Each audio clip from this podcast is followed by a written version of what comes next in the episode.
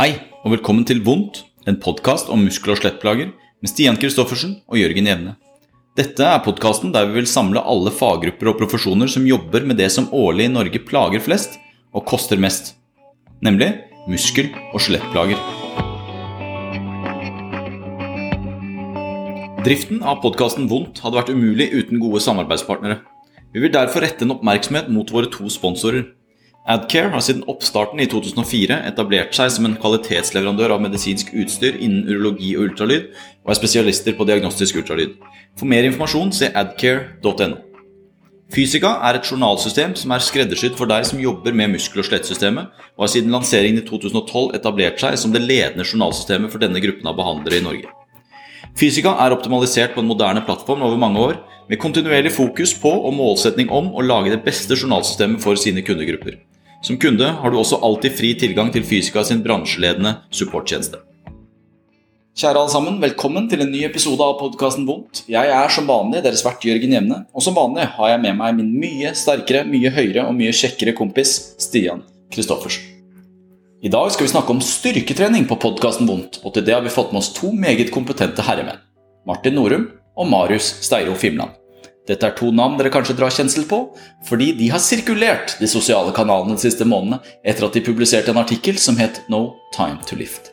I denne artikkelen forsøkte forfatterne å vise oss der ute hvordan vi kan gjøre styrketrening tidseffektivt.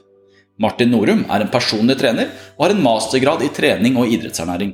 Han jobber til daglig med oppfølging av mosjonister og utøvere innenfor både trening og ernæring. Dette gjør han via nettportalen webcoaching.no og på et treningssenter i Oslo.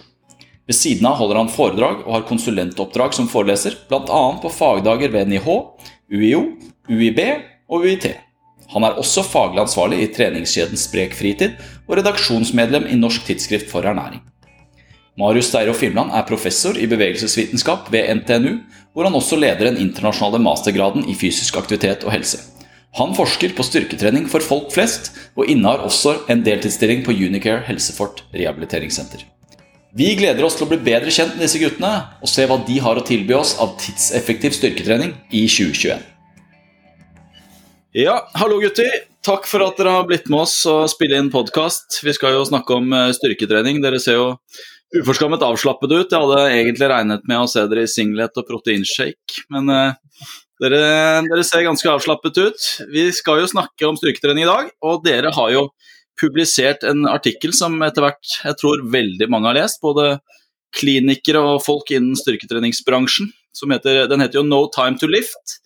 Eh, Marius, eh, du er jo siste forfatter. Har du lyst å si noen ord om hvordan var det dere kom i gang med dette arbeidet om denne studien her?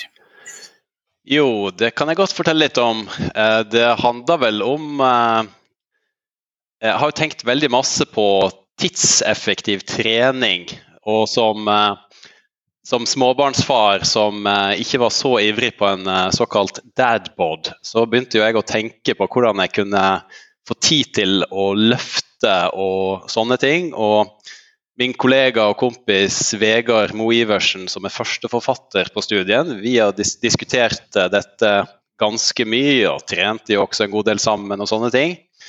Så Vi starta dette prosjektet, og vi vet jo at det er mange som av ulike grunner har lite tid til trening. og Det er jo det som er det vanligste grunnen folk oppgir til at de ikke driver med noen form for trening, og herunder styrketrening.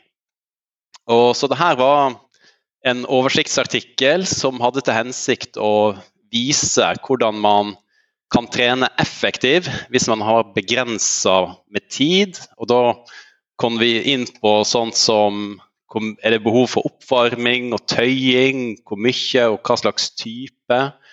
Hvor mye og tungt bør man trene? Eh, hvilke øvelser og utstyr er det mest hensiktsmessig å bruke?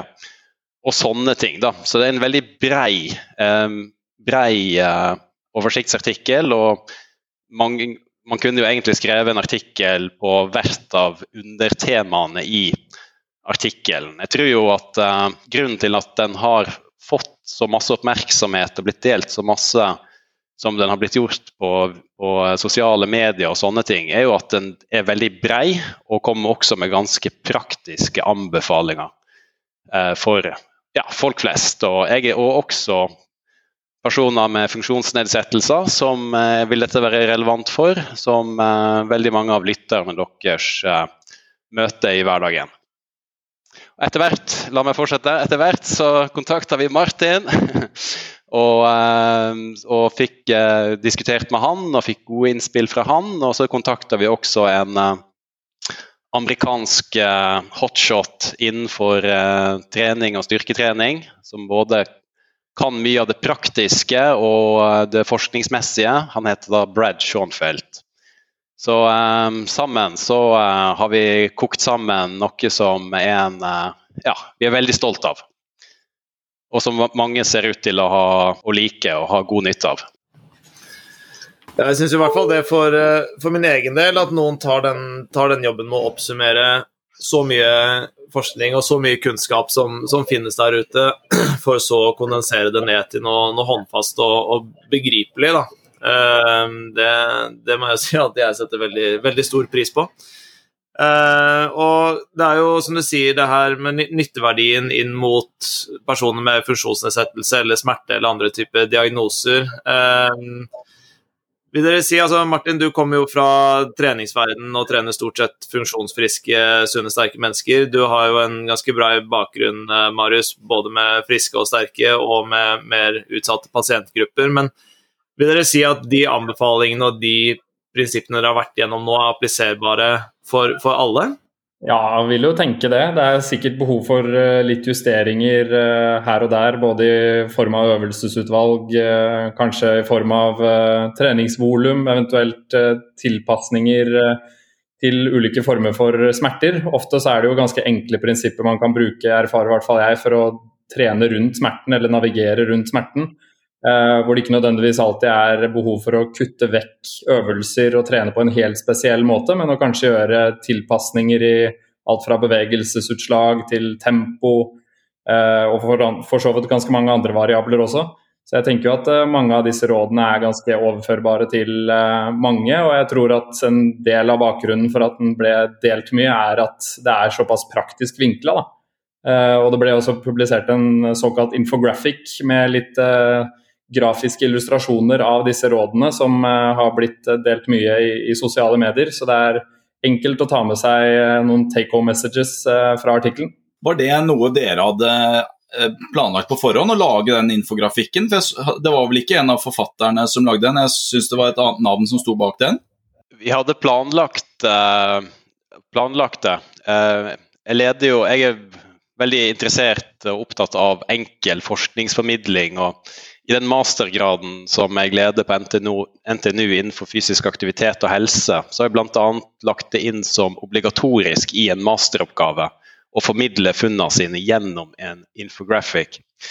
Um, og, um, men det er han som lagde infographicen, det var han, en som han Bred Brad Schoenfeldt uh, kjente personlig, og som um, ja, Adam Virgile, var det han heter. Og han, uh, han lagde denne infographicen tror jeg på én dag eller noe sånt, Martin. Var det ikke noe sånt?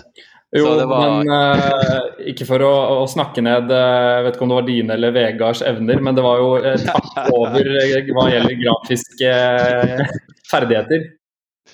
Ja, vi hadde et forsøk, ja. Det har du rett i. ja, men han skjønte det var, det var nok Det var samme innholdet, bare betraktelig vakrere presentert av uh, han Adam der. ja, jeg tror det har vært en medvirkende årsak til uh, at den har gått som varmt hvetebrød. Det hadde vært litt annerledes med en sånn paint-designa sak. Det har vel vært, har vært, uttalt flere ganger det at det bør ikke være forskerne som har ansvar for selve formidlingen av sin egen forskning. Så det, dere gjorde sikkert lurt der i å få noen andre til å, til å lage den infografikken, ja. I, I, både artikkelen og i infografikken så dere bruker jo en del begreper innen treningslære som uh, man kanskje ideelt sett skulle ønske at var en del av uh, grunnutdanningen innen de forskjellige terapeutfagene også, men som ikke alltid er helt på plass. Og jeg syns jo at vi kan rote litt med disse begrepene, uh, vi også. Så kanskje vi skulle begynt der, før vi går videre inn i artikkelen, om vi kan snakke litt om volum, mengde, belastning, intensitet. Og så kan vi jo starte med, med treningsbelastning, da. Hva er, som, hva er det vi regner som treningsbelastning? Ja, eh, vi kan uh, absolutt. Dette er obligatorisk uh, kunnskap burde være, tenker jeg, hos alle um, terapeuter og bevegelsesutdanna. Um, når vi snakker om uh, belastning, så er det, jo det er jo litt forskjell på styrketrening uh, og utholdenhetstrening her. Men uh, vi snakker jo gjerne om, om kilo løfta, eller det er flere måter å Du kan også snakke om intensitet, som er liksom hvor hardt du løfter. Det henger jo sammen. Og um, vi snakker om intensitet, så um, så I styrketrening så er det jo greit å tenke ut ifra en sånn uh, repetisjonsmaksimum. Altså hvor mange repetisjoner klarer du å løfte på en gitt belastning. Og Det vi anbefaler i artikkelen, er jo at man ligger på en sånn vanligvis på mellom sånn 6 til 15 repetisjoner. Fordi at dette gir en god en god, et godt kompromiss av både styrketilpasninger og muskelhypertrofi, som begge deler er viktig for helsa og funksjonsnivået. Så, um, så, ofte snakker man om prosent av én repetisjon maksimum. Um, eller man kan lese om det i forskningsstudier og sånne ting. Men det forutsetter jo at man vet hva man klarer i et maksløft. Og det er ikke praktisk å drive og teste maksløft for noen egentlig hele tida. Uh, hvis du blir sterkere, så vil jo maksen din endre seg. Men så repetisjonen maksimum-metoden er jo det vi anbefaler. Det, det, tenker jeg er viktig, kanskje særlig inn i vår bransje som terapeuter, hvor type ti ganger tre har blitt satt fram som, uh, som det, det, er den, det, er den, universelle dosen som alle får, uavhengig av øvelse. Men Ti ganger tre alene, er, det er jo ikke noe feil med det. Hvis du sier at ti RM ganger tre, så har du i hvert fall gått til utmattelse i den serien, og så er du mellom seks og tolv, men det handler jo om det her å se hvor nære utmattelse er du eh, rent intensitetsmessig, da. Så det dere snakker seks til tolv RM, er jo at du egentlig ikke klarer noe særlig mer enn en de, det antallet repetisjoner per serie. Det vi iallfall sier, er at de siste repetisjonene bør oppleves anstrengende.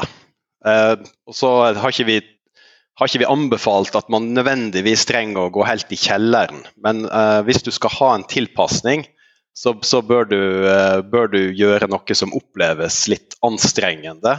Og om det er snakk om seks repetisjoner, eller om det er snakk om 20 repetisjoner. Og spesielt når det er snakk om 20 repetisjoner så bør de siste oppleves litt anstrengende hvis du skal faktisk klare å gjøre muskelen sterkere og større. Dette med RM versus, eller sammen med reps i reserve, er det, er det noe dere bruker eh, sånn overfor kunder, klienter, pasienter for å forklare dette RM-prinsippet, eller forklarer dere på en annen måte? Eh, hvis jeg skal skyte noe der, så, så kan jeg helt klart eh, si at jeg bruker reps i reserve mest av alt, egentlig. Eh, nettopp på bakgrunn av det som eh, Marius har nevnt, om at de færreste går rundt og vet hva deres eh, maksløft er i alle mulige aktuelle øvelser. Og det er en del øvelser eh, utover disse såkalte baseøvelsene hvor det kanskje ikke er så vanlig å teste én RM-løft også. Eh, så det å da f.eks. få beskjed om at du skal gjøre seks til åtte repetisjoner i en øvelse, og at du f.eks. skal ha to repetisjoner i reserve, med andre ord at du skulle kunne klare å få til åtte repetisjoner på en vekt eh, som du løfter seks ganger, det kan være en ganske sånn praktisk anvendelig metode som gjør at det er litt enklere å finne en tilpasset belastning. Og så skal det jo sies at uh, Særlig for de som ikke har trent så mye, så kan det være ganske vanskelig til å begynne med å vite hvor mange reps har jeg i reserve også. Så Det er ikke det at den metoden nødvendigvis heller er perfekt. Og det kan jo være en litt sånn treningssak, det der med hvor hardt man klarer å presse seg og hvor mye man i praksis faktisk har i reserve. Men uh, hvis man klarer å være noenlunde ærlig med seg selv og ikke endre totalt utførelse av øvelsen og og heller ikke gir opp altfor lett, finner en eller annen sånn passe skjæringspunkt der, så syns jeg at uh, reps i reserve er en ganske sånn uh, grei metode for å finne en, uh, en, passe intensitet, for mange i hvert fall. Jeg er helt enig i at det er en, en, veldig fin måte å bruke, men som Martin sier, så, er, så, må du kanskje ha gjort litt styrketrening for å vite hvor mange reps du har i reserve igjen i tanken. da. Um, sånn at i uh, klinikken så tror jeg at ofte, man ofte også kan ha god nytte av en sånn uh, en sånn subjektiv anstrengelsesskala. Og den som jeg gjerne har anbefalt, er Borg CR10-skalaen. Ikke den 6-20-skalaen som er laga for bruk av utholdenhet. Um, for den er, den er ikke laga for uh, styrkeaktiviteter. Uh, mens den Borg CR10-skalaen er en universell skala, eller en generell skala, som både kan brukes som å Altså si at du har en eller annen smerte, da. Kanskje du skal stoppe på gitt uh, et gitt smertenivå som f.eks. er fem eller seks, eller hva det måtte være. Det er bare off the top of my head here. Men, uh, så, så det, kan, det, kan, være nyttig å bruke i klinikken, tror jeg. Og så, og så, er det jo dette her med at, som Marius nevnte i stad, hvis du gjør et veldig høyt repetisjonsantall, som kanskje tradisjonelt sett ikke har vært eh, anbefalt innen disse klassiske anbefalingene for styrketrening, når man snakker om f.eks. 20 repetisjoner pluss pluss, da, så er det jo desto viktigere at man faktisk nærmer seg utmattelse, mens det er mye mindre vesentlig hvis du trener med en ordentlig tung vekt. Og, jeg tror at ganske mange som kanskje ikke har testet å trene med en ganske lett vekt som de kan ta veldig mange repetisjoner med, de har kanskje ikke nødvendigvis en veldig kalibrert eh, sensor når det gjelder å, å vite hvor, eh, hvor, mange reps man har til overs når man jobber med en så lett belastning. Da. For det er vanvittig tøft å presse seg til fullstendig utmattelse når du trener med en såpass lav prosent av maksløftet sitt. Så i, En ting som jeg synes er et litt relevant poeng, er at i forskningssammenheng, når du ser at noen har gjennomført en protokoll med eksempelvis eh, tre ganger seks repetisjoner, og så har man sammenlignet det med en annen som har gjort tre ganger 20 pluss repetisjoner, så blir disse personene ofte presset i en labsetting hvor folk står og skriker på dem og heier på dem til de har tatt seg til fullstendig utmattelse. Og det er ganske annerledes å presse seg til du har null igjen når du, når du, er i en sånn kontekst, sammenlignet med når du er på trening eh, på egen hånd. Så jeg har tenkt litt på i en del sammenhenger om de funnene som faktisk viser at du f.eks. kan få like god muskelvekst med 20 pluss repetisjoner når du trener til utmattelse, er helt overførbar til virkeligheten fordi det er så mentalt tøft å presse seg så hardt på egen hånd med så mange repetisjoner. Da. Men det blir en liten digresjon. Ja, men Det er veldig, en veldig bra digresjon, syns jeg. Og jeg tenker jo sånn som, sånn som vi, vi, som sitter med pasienter her, som ofte, nesten alltid, har begrensa treningserfaring, i hvert fall fra styrketrening. Mange pasienter har jo mye erfaring fra egen kondisjonstrening og sånn, og i hvert fall min pasientgruppe har mindre erfaring eller lite erfaring med styrketrening, så, så er jo begrepet utmattelse i seg selv også ekstremt subjektivt. da. Har du løftet en del vekter, så har du et eller annet konsept over hva det vil si å nærme seg eh, 8 RM, da, av hvordan kroppen din kjennes da, men dette med utmattelse altså, Jeg vil jo si sånn jevnt over, da, og det, regner jeg med også du, Marius, er din intuisjon, at jevnt over så har vi grovt undervurdert pasienter, tror jeg. Altså, I hvert fall doseringen vår har vært eh, nærmest litt sånn overraskende lav i altfor mange år. Da. Hvis du ser rundt omkring på fysioterapiklinikker, så er, er, det jo mengder av 1- og 2-kilosmanualer å forsvinne få styrketreningsmanualer som du finner på hvilket som helst studio. altså eh, på, eksempelvis hos oss så har vi inntil nylig hatt maksvekt på seks kilo, liksom.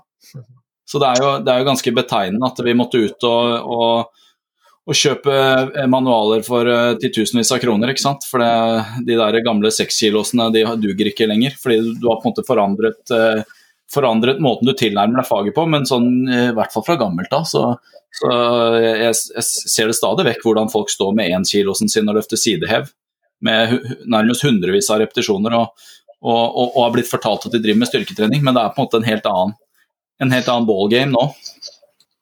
Ja, enig, enig i det. Og, uh, men det, ja, tiden er veldig i endring. Uh, og viktigheten av styrketrening har jo blitt uh, mer og mer anerkjent og er jo nå også inkludert i eh, de generelle anbefalingene både i Norge og internasjonalt om fysisk aktivitet, fordi at man anerkjenner at det gir eh, tilleggsgevinster til eh, generell aktivitet og utholdenhetsaktiviteter.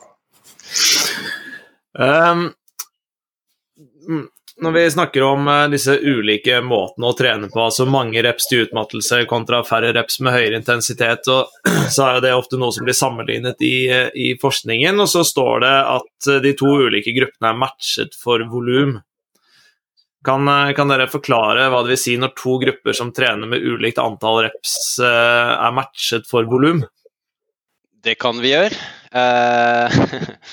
Så eh, ja, altså volum syns jeg egentlig er ganske uinteressant. Altså, det, eller, altså sånn den generelle måten å telle volum på eh, sett ganger repetisjoner ganger kilo. Sant? Det betyr jo at eh, altså ti ganger ti eh,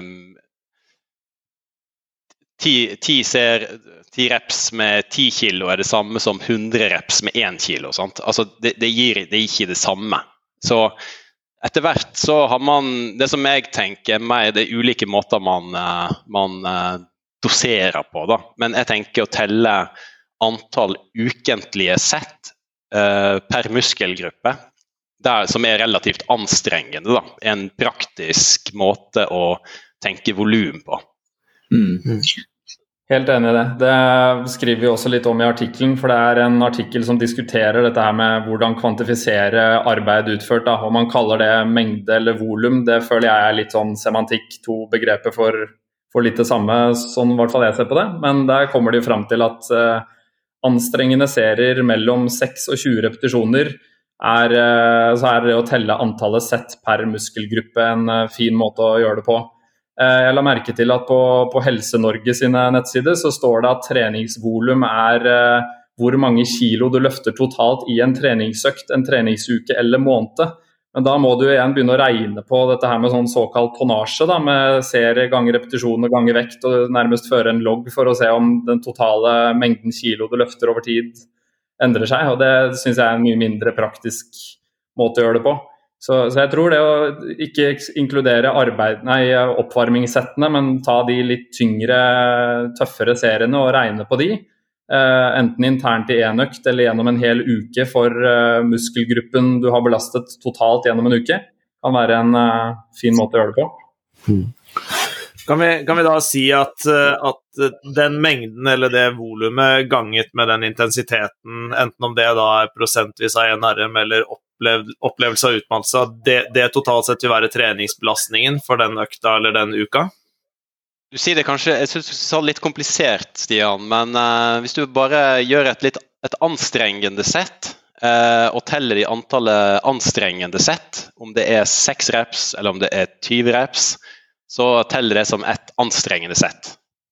Det tenker jeg er en ganske enkel og grei måte å holde styr på det på. Heller enn å begynne å prøve å regne ut uh, og, og, hvis du Altså Antall kilo er jo også uinteressant. fordi at det er jo, snakker, det er jo en forskjell på absolutt uh, intensitet og relativ intensitet. Og, altså Relativ intensitet er jo uh, hvor, mye, hvor hardt det du gjør er i forhold til din maksimale kapasitet. Og Det er jo det som er relevant for folk. sant? Um, så, du, så, så, gjør du et anstreng gjør du, altså Hvis pushups er anstrengende for deg, da, så uh, gjør du to sett på mandag og to sett på torsdag. Så har du en uh, ukentlig uh, et ukentlig volum på fire anstrengende serier på fremside bryst, skulder og triceps. Så, så enkelt vil jeg tenke, altså. Jeg tror det er nesten er litt viktig å presisere det der òg, fordi jeg har erfart i noen sammenhenger med kunder da, at de har lest anbefalinger for treningsvolum, og så har de f.eks. fått med seg at hvis du har trent en liten stund, så kan det være fint å trene 10-12 eh, sett, har de fått med seg. da, Og så har de ikke fått med seg at det er per muskelgruppe gjennom en hel uke. Noen har altså tenkt at det er 10-12 sett for en muskelgruppe på en enkel treningsøkt, og det blir jo et voldsomt heftig treningsvolum. Så hvis det er eh, si 12 sett på fremside lår, da, så kan jo det være fire sett knebøy på mandag, og det kan være fire sett benpress på onsdag og fire sett utfall på fredag. Uh, så man må, man må, regne sånn, og ikke, på, ikke bare tenke enkeltøkter. Må tenke gjennom en uke. Det er i hvert fall en pra pragmatisk måte å gjøre det da. Ja, det er, eh, jeg er veldig tilhenger av å få det så enkelt som mulig. Altså Én ting er jo de som, de som virkelig har treningsinteressen, da, og som kanskje er mer i den kategorien at de går og oppsøker en PT fordi de har veldig lyst til å trene. Og så har du de som eh, kanskje kommer til oss som fysioterapeuter som virkelig ikke har lyst til å trene. De har ikke lyst til å være hos oss engang. Så må vi i hvert fall sørge for å gjøre det her så enkelt og, og forståelig som mulig. Men jeg tror jo Jeg opplever at den største dreiningen de siste årene har jo vært på, altså på intensitet.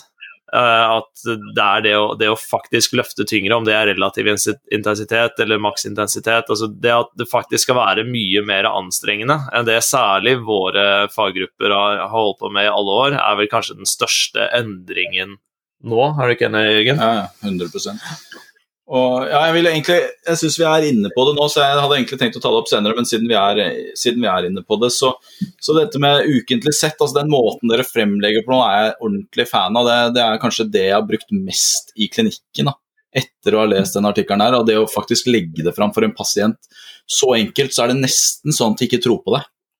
At du, at du, kan, at du kan, det. Men, men hvis, tar, hvis, vi tar, hvis, vi tar, det der Dere legger jo litt vekt på dette med, med fire fire ukentlige sett, altså at man sikter mot fire, fire, ukentlige sett på en muskelgruppe. Men er dere sånn helt sånn pragmatiske på at det kan like gjerne være ett sett mandag, ett sett tirsdag, ett sett onsdag, ett sett torsdag, eller ser dere helst at, uh, at det er to sett, tre sett, fire sett til og med på den enkelte dagen, og så eventuelt gange det opp? Men altså, hvordan, hvordan, hvordan tenker dere om dette rent sånn pragmatisk? for la oss, la oss si utrent, eh, et utrent individ da, eller en pasient. Jeg kan eh, begynne, så kan Martin supplere. Ehm, det som, det som, vi fokuserer på å si i artikkelen, det er jo at det, det, det, som ser ut til å være viktigst her, det er det totalvolumet. Og da er en uke veldig enkelt å bruke. Um, så jeg vil, jeg vil, si det sånn at eh, hva er det som passer for pasienten? Vil han ha Eh, eller to litt lengre økter, eller er det grunner til at eh, vedkommende ønsker å ha daglige litt sånn mikroøkter, så tenker jeg at dette er veldig fleksibelt. Og, så er det litt òg belastningen, altså hva er det som er praktisk. da, Hvis du skal eh, Nå snakker vi om, uansett om ganske utrente personer, ikke sant. Og eh, da vil jeg tenke at da vil du typisk legge de på en eh, kanskje ikke sånn 6 RM-belastning, da, men at her er det noen som skal komme i gang. De skal etablere en vane som er sunn, og de skal komme i gang med jevnlig styrketrening f.eks. Og da, hvis det funker for eh, personen å ta 15 eller 10-15 eh, armhevinger på knærne, eller hva det måtte være, eller i mas en maskin eller noe sånt Men altså armheving på knærne. Da. Det er noe du kan gjøre hjemme. Så kan du gjøre det på morgenen f.eks. mandag-tirsdag, og så torsdag-fredag f.eks. Helt fint. Helt supert, det. Og du kan også gjøre det alle de fire setta på mandag. Hvis da har du, da har du av en, en, eller annen grunn bedre tid til trening.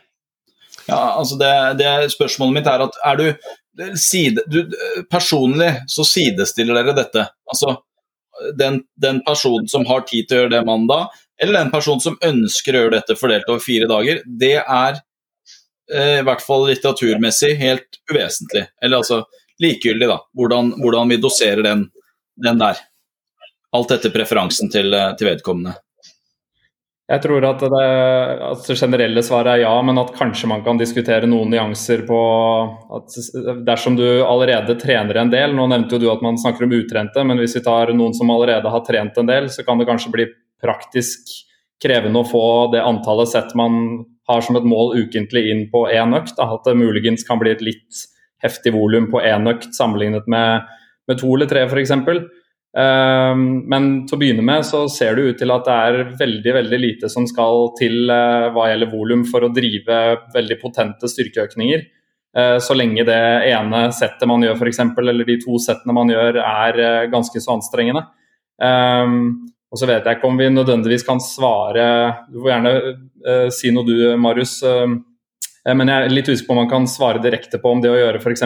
ett sett fire ganger i uka sammenlignet med fire sett én gang i uka for en helt utrent person vil gi nøyaktig samme, samme styrkeeffekt. Det er litt vanskelig å svare helt sånn kategorisk ja eller nei på, syns jeg. Men det er i hvert fall generelt sett ingen tvil om at det ukentlige volumet er det viktigste. da. Ja, altså hvis, hvis man kommer, begynner å komme opp i si, altså sånn mer enn uh, ti serier på en muskelgruppe på en økt, mer enn det, og, da trener du jo litt som en kroppsbygger. Um, hvis, hvis, du skal kjøre brystet, da, så kjører du flatbenk og skråbenk og fleis f.eks. Så mange sånne muskelbyggeinteresserte individer kan finne på å gjøre. Så er, så er det um, kommet noen anbefalinger om at du bør helst fordele det på, på minst to økter, da, hvis det begynner å komme, overstige ti f.eks. Men, men jeg tenker at for, for, de som pasienter i klinikker, så så er vi ikke der. Og styrketrening um, Fire sett med styrketrening, som da er en, en, slags minimumsdose som vi anbefaler da, det vil jeg presisere. Um, om hvordan man fordeler det i løpet av uka, er mindre viktig, mye mindre viktig enn at det faktisk eh, blir gjort. Da. Um, men én eh, ting som kanskje dere vil òg Eller når du nevnte treningsprinsipper, så kanskje det mest vesen, altså et, hvert fall et av de mer vesentlige prinsippene er jo progresjon. sant? Og det er jo uh, når du har en helt utrent uh, person som kommer inn i klinikken din og som ikke har trent styrketrening før, så, så, så vil du jo starte på et veldig lavt nivå. Og, så, så der er det jo viktigere. og da, da, snakker vi jo ikke om å presse seg til utmattelse, tenker jeg heller, de første, de første øktene. Men her må man jo ha et klinisk skjønn og, og, se på altså, Det handler jo om å etablere en vane. Eh, at denne personen som kanskje har tenkt på styrketrening som noe fryktelig skummelt i veldig lenge, faktisk eh, lære seg hva som er god utførelse, får selvtillit med tanke på at man gjør det riktig og sånne ting. Og så um, fokusere på utførelse og bevegelsesmønster først, og så gradvis har en økning. Da. Så progresjon er jo veldig viktig her. Og, og da kan det jo også være, Hvis du går starter for hardt, så kan det jo øke smerte og si trapesius myalgi, da, vond og smertefull trapesius Eh, der har man jo gode resultat med tung styrketrening. Men, men i starten og de første tre-fire ukene så kan smerten faktisk bli verre. Um, så det er liksom også det å ja, starte litt forsiktig, men også betrygge deltakeren eller pasienten om at dette er helt normalt og, og det kommer til å gå seg til, osv. Yes, jeg er helt enig. Og så tenker jeg at uh, det er et sentralt poeng også at hvis man er helt utrent, så er man ikke nødvendigvis mottagelig for et veldig stort volum uh, i enkeltøkter til å begynne med også. Det er jo noe litteratur som har vist at uh, f.eks. ett ganske utmattende sett har gitt like god effekt som tre serier, i hvert fall på overkroppsmuskulatur. Sånn helt til å begynne med, mens det muligens fortoner seg litt annerledes på, på underkroppsmuskulatur. Så um, det gir jo mening å på en måte starte med et minimumstreningsvolum eh, som gir en ønsket fremgang, og så bygge videre på det, istedenfor å åpne med et veldig høyt treningsvolum som kanskje uansett er eh, litt krevende å, restituere seg fra. Mm. Jeg er helt enig. Og det, det, tar oss jo litt inn på noe som kanskje er av mest interesse for mange av de som hører på denne podkasten, og det er jo styrketrening og pasienter som har vondt et eller annet sted. Da. Og det, dette trening med og uten smerte, eh, og et av de kanskje største paradoksene de siste åra når man har forsket på effekten av styrketrening hos pasienter med muskel- og skjelettrelaterte smerter, så opplever man jo at de får mindre smerter, men ikke blir sterkere. Og Det syns jeg kunne vært litt interessant å diskutere med dere. Hvis vi kan dele det litt i to. Eh, og først ta spørsmålet om kan vi kalle det styrketrening når det ikke blir sterkere, og så kan vi snakke om hvilken effekt styrketrening har på, på smerte da, hvis det ikke blir sterkere. Så først, er det, er det styrketrening når, når, når, folk ikke blir sterkere? Jeg vil jo først spørre deg, Stian. Hvordan vet du at du ikke ble sterkere? Disse personene du snakker om? Nei, det er jo det er basert på, um, på styrketester. da. Sånn at hvis du gjør um, isometriske kontraksjoner f.eks., um, eller repetisjoner til utmattelse, at man ser at det ikke er en signifikant økning i styrke. men at de rapporterer mindre smerte. Det, det som jeg vil si da, om, altså, i styrketrening altså Styrketrening er jo ganske spesifikt til det du trener. Så hvis du trener dynamisk, men tester eh, isometrisk, som du nevnte, da, så har du ganske masse av framgangen som du ikke klarer å finne igjen i det. da. Så, så, så, så styrketrening er ganske spes. Altså hvis du trener tung styrketrening isometrisk på én leddvinkel, så har du størst framgang på den leddvinkelen. Eh, og så har du en viss grad av overføring til andre leddvinkler, men det er mindre, da. Så, det, er, det, er, en helt annen diskusjon, men som er, er viktig for bakteppet for det vi skal snakke om. da. Hvordan måler man styrke? Og For å gå videre til det du sa, da. altså Hvis man trener styrke uh, uten å klare flere repetisjoner over tid, da vil jeg jo tenke at intensiteten for treninga er altså, da, da, trener du ikke, da, da, ikke, da, gjør du ikke anstrengende uh, serier, er, er, min første tanke, da. Enn du Martin, hva du tenker Nei, jeg er enig i det.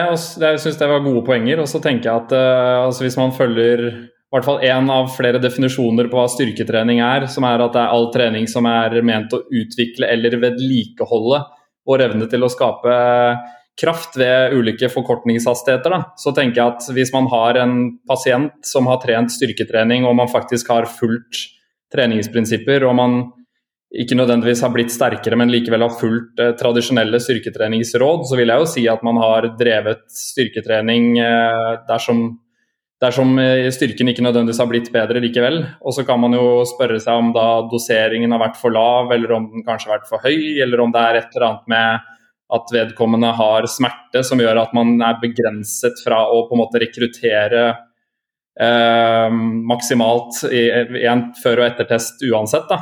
Eh, det blir bare spekulasjoner. Men eh, jeg tenker jo også at i mange andre sammenhenger der man har personer som ikke har smerte, så kan det jo selv med god trening være perioder hvor man kan trene bra og ikke oppleve styrkefremgang, men man har jo likevel trent. Men, eh, å, men uh, da er det gjerne folk som altså Hvis du er godt trent, har trent styrke lenge, da begynner du å nærme deg et litt sånn naturlig platå hvor det er vanskelig å få videre framgang. Um, og du må da kanskje øke volum og mer og sånne ting. Um, men uh, i, i de tilfellene vi snakker om her, da, hvor vi snakker om pasienter i en klinikk, så er, så er som regel ikke det tilfellet. Sånn at uh, jeg tenker at, uh, at uh, man må, man må ja, jobbe da, med å utfordre pasientene på å ta i litt hardere. Kanskje, og kanskje klinikerne må jobbe litt med seg sjøl også, for å få pasientene til å ta i litt hardere.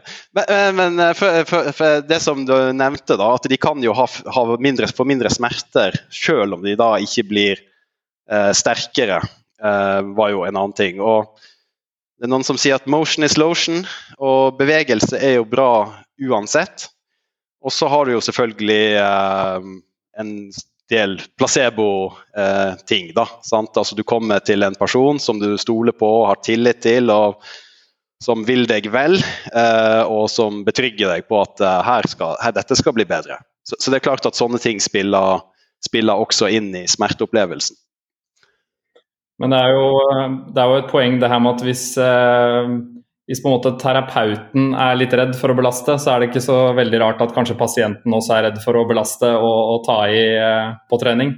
Så det er kanskje, som Marius var inne på, enkelte som må prøve å gå litt, gå litt i seg selv og kanskje eh, forsøke å bygge mindre opp rundt eh, at det å ta i og trene tungt er farlig, da, men at det heller er noe som gjør en mer robust og, og sterkere. Vi åpner jo egentlig opp eh, i eh, hvert fall tre nye dører her, så vidt jeg kan uh, det sånn umiddelbart. Men vi skal prøve å holde det noenlunde strømlinjeformet allikevel. Altså, jeg syns det er interessant det Marius nevner med måten styrke testes på. Da. For det, det som, Der hvor Stian kommer fra med spørsmålet sitt, er jo at det er jo flere Eh, studier nå, som er publisert nå i senere tid, spesielt på skulder, da, hvor, hvor, det har vært veldig mye kjas og mas rundt eh, protokollen pasientene har gjort. og De har blitt bedre, men de har ikke blitt sterkere. Altså det, og da, da, er jo selvfølgelig, som du sier, Marius, hvordan er det dette er målt? Eh, og så, kan man, på en måte, så er det en av dørene vi kunne åpna. Eh, men en, en, annen dør der er jo, er jo, treningsterapien i seg selv. altså eh, Hvis du har en bias mot styrketrening, så ville du, ville du, sagt at når du leser disse studiene, så ville du sagt at eh, hvis de bare hadde blitt enda sterkere, så hadde de blitt enda bedre. Men det, det, er jo på en måte der vi er nå. da, Vi har egentlig ikke de studiene som viser det. Vi har, vi har studier som viser at de blir bedre av å trene, men den treningen har ikke hatt effekt på styrkeparametrene, eh, kan vi si. Hva er deres intuisjon der? Dere har jo en, dere har antageligvis enda mer bias mot styrketreningen enn vi har. ja, altså det, det, jeg vil si, da, i tillegg til det som uh, jeg sa i stad, er jo at altså jeg, jeg, tror jo ikke at det, det, er ikke et perfekt forhold mellom styrkeframgang og reduksjon i smerte. Overhodet ikke. Og man vet jo òg at altså, mange som er veldig sterke, får jo også smerter, men kanskje av litt andre grunner enn de som er inaktive og får smerter. Um, men uh, men jeg tenker, altså Én ting er smerte. Nå snakker vi mye om smerte og sånne ting. Men vi kan jo òg eh, utvide for å åpne en fjerde dør, da, i tillegg til de tre andre du nevnte i stad. Eh, så, eh, så tenker jeg at vi må tenke på funksjonen, da. Og, og, og, andre helsemål enn akkurat smerte. For smerte, altså Jeg skjønner at smerte er en stor ting. Og eh, det er jo fordi at sikkert de fleste som kommer til eh, klinikker, opplever smerte. Eh, men de jo gjerne, smerte kan jo være toppen av isfjellet, sant? med livsstilsrelaterte problem, overvekt, metabolsk syndrom, begynner å nærme seg diabetes type 2 eller kommet over i den biten. Sånn at, så vi, vi må tenke ikke bare styrketrening, som et mål, middel for smertereduksjon. For da kan du, det er som dere sier, det er mange ting man kan gjøre um, for å redusere smerten. Og styrketrening er ikke nødvendigvis så mye bedre, uh, men både utholdenhetstrening og styrketrening er viktig for den generelle helsa og livskvaliteten på lang sikt. Sant? Hvis jeg tar 30 år å utvikle diabetes type 2 da, med dårlig livsstil og inaktivitet, Um, så, så, er det ikke noen motor, motoriske kontrolløvelser. Kunne ikke gjort noe med det. Uh, men motoriske kontrolløvelser og styrketrening det funker omtrent like bra for korsryggsmerter. Så hva skal du velge? Hva er det som gir mest bang for the buck? På kort sikt kanskje kan se ut som at det er likeverdig. På lang sikt 30 år med motorisk kontrolløvelse av kjernemuskulaturen versus 30 år med styrketrening. Vi kan jo tenke oss hvordan, uh, hvordan det ser ut. Begynte du med styrketrening da du var åtte år, Marius? ja, jeg, jeg snakker ikke om meg sjøl når jeg snakker om 30 år for å utvikle diabetes type 2. um, jeg, jeg, er helt enig. Jeg synes det, det er kanskje det aller, aller sterkeste argumentet. Jeg syns vi skal komme tilbake igjen til det. Jeg vil bare plukke opp litt igjen det Martin sa i stad. At uh, det der at eh, mange kanskje må gå litt i seg sjæl som terapeuter, særlig det at vi har vært så redd for at pasientene våre skal få vondt, at vi har uh, både underdosert og bedt folk om å trene smertefritt, som ganske indirekte sier at den smerten de opplever, faktisk har en, en reell betydning og er farlig. da, At du, du ødelegger noe eller kronifiserer smerte. Og jeg synes det er interessant, jeg snakka med en idrettslege som har begynt på klinikken vår nå, som er fra, fra Nederland. Eh, og han helt sånn uoppfordra kommenterte på, på, akkurat det. Da, at en del av de han jobbet med av fysioterapeuter i hjemlandet, var, det var på samme måte. At eh, de var så redde for at pasientene sine skulle få en smerteøkning av treningen at man rett og slett doserte ned og sa forhold deg, altså hold deg innenfor smertegrensen. Ja, Martin?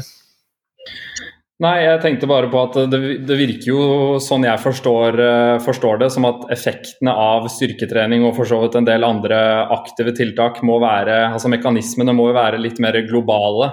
I og med at eh, det går an å få en smertelindring av å gjøre noe uten å nødvendigvis bli sterkere. Så det virker jo ikke som om styrkeendringen i seg selv, på tross av at den er kjempepositiv for muskelstyrke, for benhelse og for mye forskjellig annet, så virker det jo ikke som om det er en, eh, nødvendigvis en eh, avgjørende faktor for å, å, bli bedre. Så det må jo være en eller annen generell effekt som påvirker smertepersepsjon, og som, som gjør at uh, folk kan føle seg bedre. Og i den sammenheng så syns jeg jo at det er litt trist at det har vært så utrolig mange både, jeg vil si, både trenere og terapeuter som har forklart at årsaken til at folk har vondt er fordi de er for svake.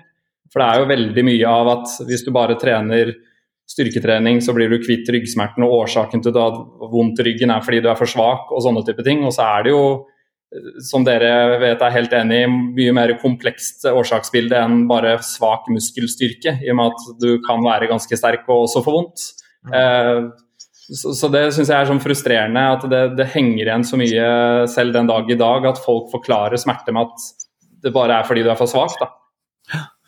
Og der er, jeg, der er, jeg, helt enig. Vi har jo diskutert dette, dette, masse før, og det er jo her, her det du snakket om i stad kommer inn også, Marius, at det blir et sånn overfokus på, på, smerte. Altså at Smerte er jo en del av, av, livet for de aller fleste, og hva man går igjennom, og, og, vil kunne endres eh, både til det bedre og til det verre, basert på veldig veldig mange variabler som er helt uavhengig til treninga. Men at det handler jo om hvordan du håndterer situasjonen din da, og, og livet generelt, og hvilke positive bivirkninger trening har med seg som ingen andre ingen andre behandlingsformer egentlig har med seg inn da, i, for den, den, pasienten. Og det blir jo et sånn derre hvor, hvorfor, hvorfor skal vi trene styrke? Altså hvis vi skal argumentere overfor våre pasienter da, og se litt forbi smerteproblematikken og si at det får vi håndtere som, som, som best vi kan, men, men hvordan skal vi overbevise dem om at styrketrening er noe de burde gjøre uavhengig av den smerteproblematikken de kommer med? Spur, spurte du oss? ja, det er derfor Nei, altså det er jo bedre Det er jo bedre å være sterk og ha vondt i ryggen enn svak og ha vondt i ryggen. Så det, Men eh, Nei, altså fra, fra Men vi vet jo at, eh, at Altså, vi, vi, vet jo at det hjelper med, med, med trening og bevegelse. Eh, vi vet at styrketrening har veldig mange, veldig mange, fordeler, og det har også utholdenhetstrening. Og Det er jo liksom de to tydeligst, tydeligste eh, kategoriene av tiltak å, å bruke. For, altså, Hva skal man ellers bruke tida på? Hvorfor er bevisbyrden på oss for å selge inn de to mest veldokumenterte metodene for at folk skal få det bedre? Jeg vil jo si at Hvorfor skal man bruke tida på andre ting? Eh, jeg synes vi skal, det syns jeg vi skal, vi skal legge premisset der. For, for egentlig i dag. For det, ikke, det, det, tror være, det tror jeg vi kan være skjønt uh, enige om, uh, egentlig. Du snakket i stad om at styrketrening er spesifikt. så trener du isometrisk, så blir du sterkere isometrisk. og De færreste trener vel hovedsakelig symmetrisk. Men i den ånden, så hvis vi tenker at styrketrening har en eh, system, systemisk effekt på kroppen, men også da, hvis vi tenker oss litt vekk fra smerte, så tenker vi litt mer over i funksjon. Hvordan tenker dere rundt eh, øvelsesutvalg for en alminnelig pasient, utrent pasient eller middels trent pasient, i forhold til hva, hvordan vi kan maksimere utbyttet av styrketrening? Martin. Nei, altså jeg tenker at om man eksempelvis diskuterer bruk av eh, frivektsøvelser opp mot apparatøvelser, opp mot kroppsvektsøvelser osv., så, videre, så så ser det ut som man kan få en relativt lik effekt av de eh, treningsformene, eh, så lenge man følger disse andre rådene hva gjelder grad av utmattelse, intensitet, treningsvolum og, og, frekvens. Eh, så om du velger å trene apparatøvelser eh, sammenlignet med f.eks. frivektøvelser, så vil du nok i en test-retest få like, like, god styrkeutvikling i de aktuelle øvelsene. Eh, men når det gjelder funksjon, så kan man jo selvfølgelig diskutere om, om det å trene apparatøvelser har mindre for seg sammenlignet med med flerleddsøvelser som også involverer at du må jobbe mer med motorisk kontroll og balanse osv. Uh, eh, og jeg vet jo litt hvor min bias går i den retning, samtidig som jeg også er kjent med litteratur som faktisk viser uh, at f.eks. det å bli bedre i leg extension og benpress osv. kan ha en positiv effekt på eksempelvis ganghastighet for eldre. Da. Så jeg tror ikke man skal låse seg fast i at apparatøvelser er ufunksjonelle og ikke ikke kan ha, ha en positiv effekt på, på funksjon. Men uh, når det gjelder sånne ren, rene treningsadaptasjoner, det å bli sterkere, få litt større muskelmasse, så, så, så, tror jeg nok disse treningsformene, så fremt man klarer å belaste de tungt på en praktisk mulig måte, er relativt uh, sidestilt. Da. Marius?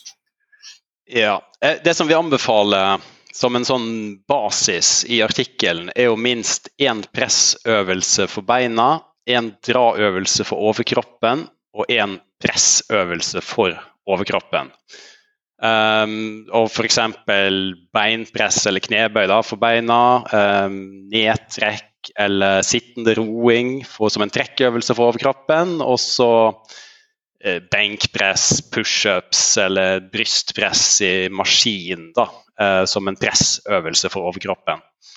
Og da har du egentlig um, trent vil jeg si, hele kroppen.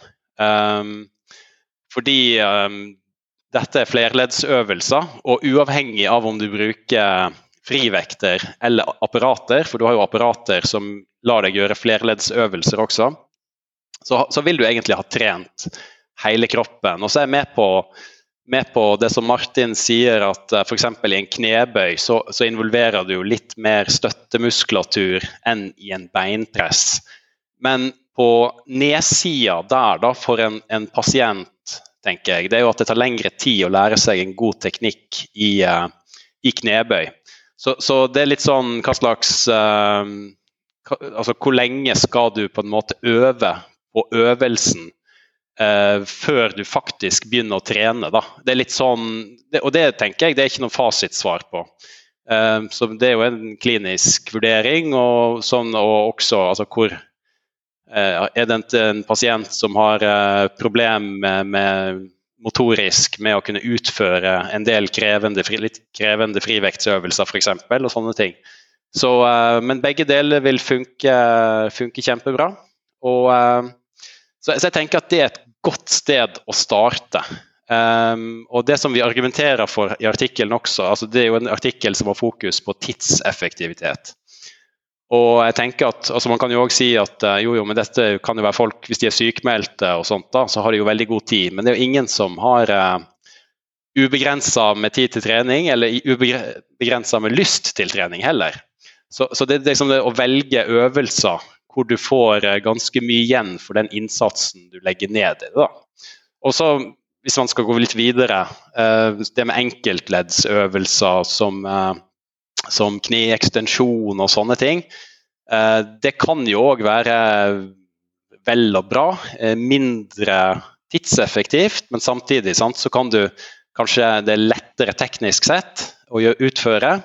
Og eh, det helt i starten så kan det jo være lettere å belaste muskulaturen også, fordi at det er mindre teknisk krevende. Da. Så ja. Ulike hensyn å ta. Mm. Um, vi har jo vært innom eh, de der eh, hovedbegrepene nå som, uh, som en slags begrepsavklaring. Men kanskje også noen lyttere, hvis de er litt mer interessert i trening, uh, har jo på en måte denne Jeg kan i hvert fall huske den treningslæren vi fikk, da, som sånn i bakspeilet viser seg å være under enhver kritikk. Men, uh, men da var det jo veldig, den gang, veldig fokus på sånn dose for hypertrofi sånn dose for eksplosivitet, sånn dose for utholdende muskulatur osv. Og, og så brukte du masse tid på det. Eh, da tenker jeg egentlig, hopper vi ikke da egentlig bukk over mange av de der grunnprinsippene som vi var innom tidligere, at mye av dette er egentlig uvesentlig når vi skal lage et treningsprogram for mannen i gata, hvor vi kan egentlig eh, eh, simplifisere det ganske betraktelig du kan, du kan, gjøre det ganske enkelt, men uh, jeg uh, en, uh, som jeg, Men jeg syns jo at klinikeren skal kunne det her. Sånn at selv om det fremstilles enkelt for pasienten, der bør jo formidlinga være på et veldig enkelt nivå. Det betyr ikke at det som skjer backstage skal være enkelt. Så jeg tenker jo at at uh, klinikeren, terapeuten, bør ha kjennskap til disse treningsprinsippene som vi snakker om, uh, sånn at den personen som kommer inn, får et opplegg som er tilpassa det den personen trenger. Ja, Der er, helt, der er jeg helt på bølgelengde. Nå tenkte jeg mer på at vi Altså, for mannen i gata som vi ønsker å designe et enkelt styrketreningsprogram for eh, altså, For dere var jo litt innom dette i artikkelen at mange av disse doseringene som måte, skal være spesifikke for det ene og det andre, egentlig ikke viser seg å være det. Det er egentlig det jeg vil fram til. Altså, det, er ikke, det, er ikke, så kategorisk at hvis du gjør det, så får du hypertrofi. Hvis du gjør det, så får du utholdende muskel. Hvis du gjør det, så får du, får du maksstyrke. Altså, det var egentlig det jeg ville fram til. Det er jo helt sant, det vet jeg Marius er enig i også. Det er jo litt mer sånne gråsoneoverganger mellom eh, kanskje særlig styrke og hypertrofi enn det man tidligere tenkte og solgt inn. For de som har lært treningslære for lengre tilbake i tid, så var jo liksom alt over tolv repetisjoner var kanskje nesten ikke vits å gjøre engang, og var altfor lett til at du fikk noe Eh, særlig styrkeeffekt. Og kanskje at hvis du kom opp i 20-30 repetisjoner, så var det i hvert fall ikke noe effekt på muskelvekst. Men så viser det seg jo at det, det kan det helt klart være. Til og med for ganske godt trente personer, så lenge man gjør det med et stort nok volum og nærme nok utmattelse. Men jeg tror nok at uh, når det gjelder f.eks. råd for å trene eksplosivitet eller power, så har kanskje ikke det nødvendigvis forandret seg så mye. Der det fremdeles er fornuftig å trene, eh, trene det for så vidt både med litt lavere og høyere intensitet, med full mobilisering og ikke så mange repetisjoner og, og ganske lange pauser. Så det er nok heller når det gjelder den derre ja, styrketrening for styrke og muskelvekst, at det har vært litt å tillegge de siste årene. Da. Har du noen kommentar til det, Marius? Uh, nei, jeg er enig i det. Og så tror jeg uh, at man uh, når det gjelder eksplosivitet, power. Og Det er jo blitt et økende fokus på det, spesielt for eldre, som, eller folk som har fallrisiko f.eks. pga. Ja, svak muskulatur, men også da ganske sånn treig muskulatur. Og Da har man jo fort satt i gang med sånne type hopp kanskje, og lettere vekter og eksplosiv utførelse. Men da tenker jeg det er viktig å det, Du kan oppnå det også, den effekten, med en mer eksplosiv muskel, så lenge du har en høy uh, du, Selv om du har en tung belastning, men hvis du prøver å gjøre den fort, så har du en ganske sånn uh, rask fyring fra nervesystemet.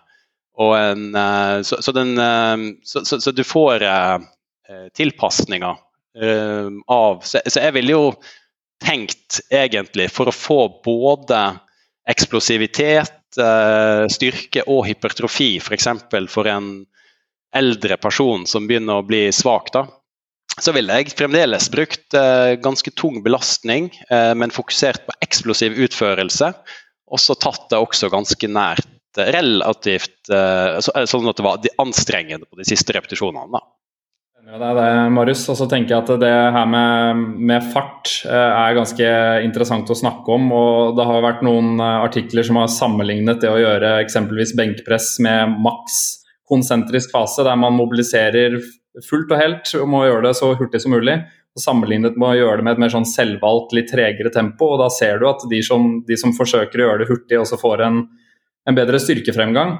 Så Det har jo vært noen forfattergrupper som jeg har registrert at har diskutert at hastigheten på repetisjoner nesten er et fundamentalt komponent av intensitetsbegrepet. Da. Fordi, fordi rett og slett tempo kan ha en ganske betydningsfull eh, innvirkning på selvfølgelig spesielt eksplosiv, eksplosivitet eller powertrening, men også faktisk styrkeutvikling over tid. Så det å i hvert fall der det er mulig for pasienter jobbe med at de faktisk også skal utføre repetisjoner eh, kanskje særlig konsentrisk hurtigere, er jo helt sikkert et fornuftig fokus. Særlig når de er litt mer herdet og i, stand til å gjøre det. da. Jeg diskuterte det her nå med, med en av dine kollegaer, faktisk, uh, Marius, på NTNU. Eh, Eivind Wang, som også sier det at eh, den, den, tenkte hastigheten betyr minst like mye som den faktiske hastigheten.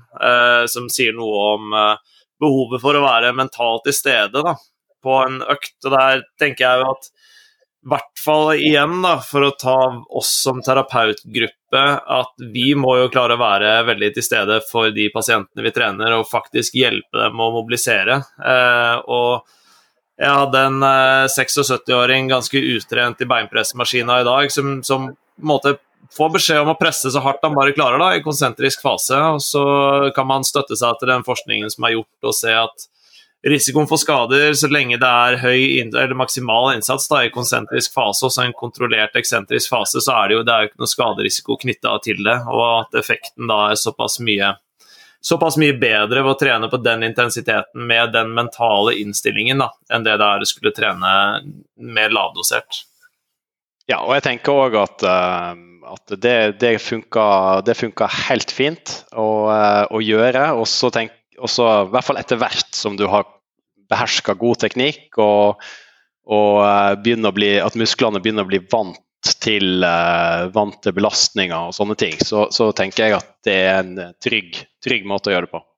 Ikke begynne å hoppe så mye med vekter på ryggen i knebøy og sånt. Da hadde jeg vært mer skeptisk. Beinpressmaskiner er bedre til sånt. Ja, jeg syns det er en stor fordel, og, og, som går litt inn igjen på hvorfor man må kunne prinsippene, da. Som, som du sier av det som skjer backstage. Det, kan, det, det skal, kan, godt være ganske komplisert, men at du må, du må, kunne prinsippene og du må kunne anvende dem for å finne ulike metoder. og det er klart sånn, Du tar jo ikke, du tar ikke hvem som helst rundt med en trap bar og hopper i, i spensthopp av de vi har inne på klinikken. Men at du kan få mye av den samme fyringen til muskulatur og mye den samme effekten på, på kraftutviklingshastighet og maksimal styrke da, ved å rett og slett mobilisere maksimalt i konsentrisk fase, litt sånn uavhengig av det faktiske tempoet, syns jeg er eh, det, det, er sånne viktige ting å ta med seg inn i klinikken, da, sånn at du får individualisert og får tilpassa. Eh, bare skyte inn et lite spørsmål til dere gutta. fordi Jeg visste jo at noe av det man skulle snakke om her var nettopp dette med styrketrening og at det ofte er en del underdosering. Men hvis man går til andre enden av spektrumet med overdosering, så er jeg litt nysgjerrig på hva slags tanker dere har om litt sånne typiske treningsprotokoller for uh, senerelaterte plager. For der er jo styrketrening mye brukt. Og jeg kjenner i hvert fall til to protokoller eh, som er heavy, heavy, slow resistance training og en eh, protokoll som heter Alfredssons protokoll for patellar tendinopati. Og, og, begge de protokollene opplever jeg som ganske ekstreme. Eh, hvis man begynner med den klassiske heavy slow resistance training-protokollen, så har jeg i hvert fall notert meg at det er tre ganger i uka med knebøy, benpress og hack squat i samme treningsøkt med fire serier av 15 RM-belastning. Så du har altså 12, nei, 12 sett per økt, 36 sett totalt i uka, hvis ikke jeg har feiltolka noe. Og, og, det er jo eh, vel å merke med reduksjon i repetisjoner etter hvert og økt motstand. Og så er det da tre sekunder senke- og, og løftefase. Det er jo en ganske ekstrem protokoll. Hvordan har man landet på den, og eventuelt ikke testet et vesentlig lavere volum? Nei, tusen takk, tusen takk for et godt spørsmål. Altså, jeg, trodde, jeg, trodde, dette var vår podkast, og så er det vi. dette synes jeg, dette ble vi ikke enige om på forhånd.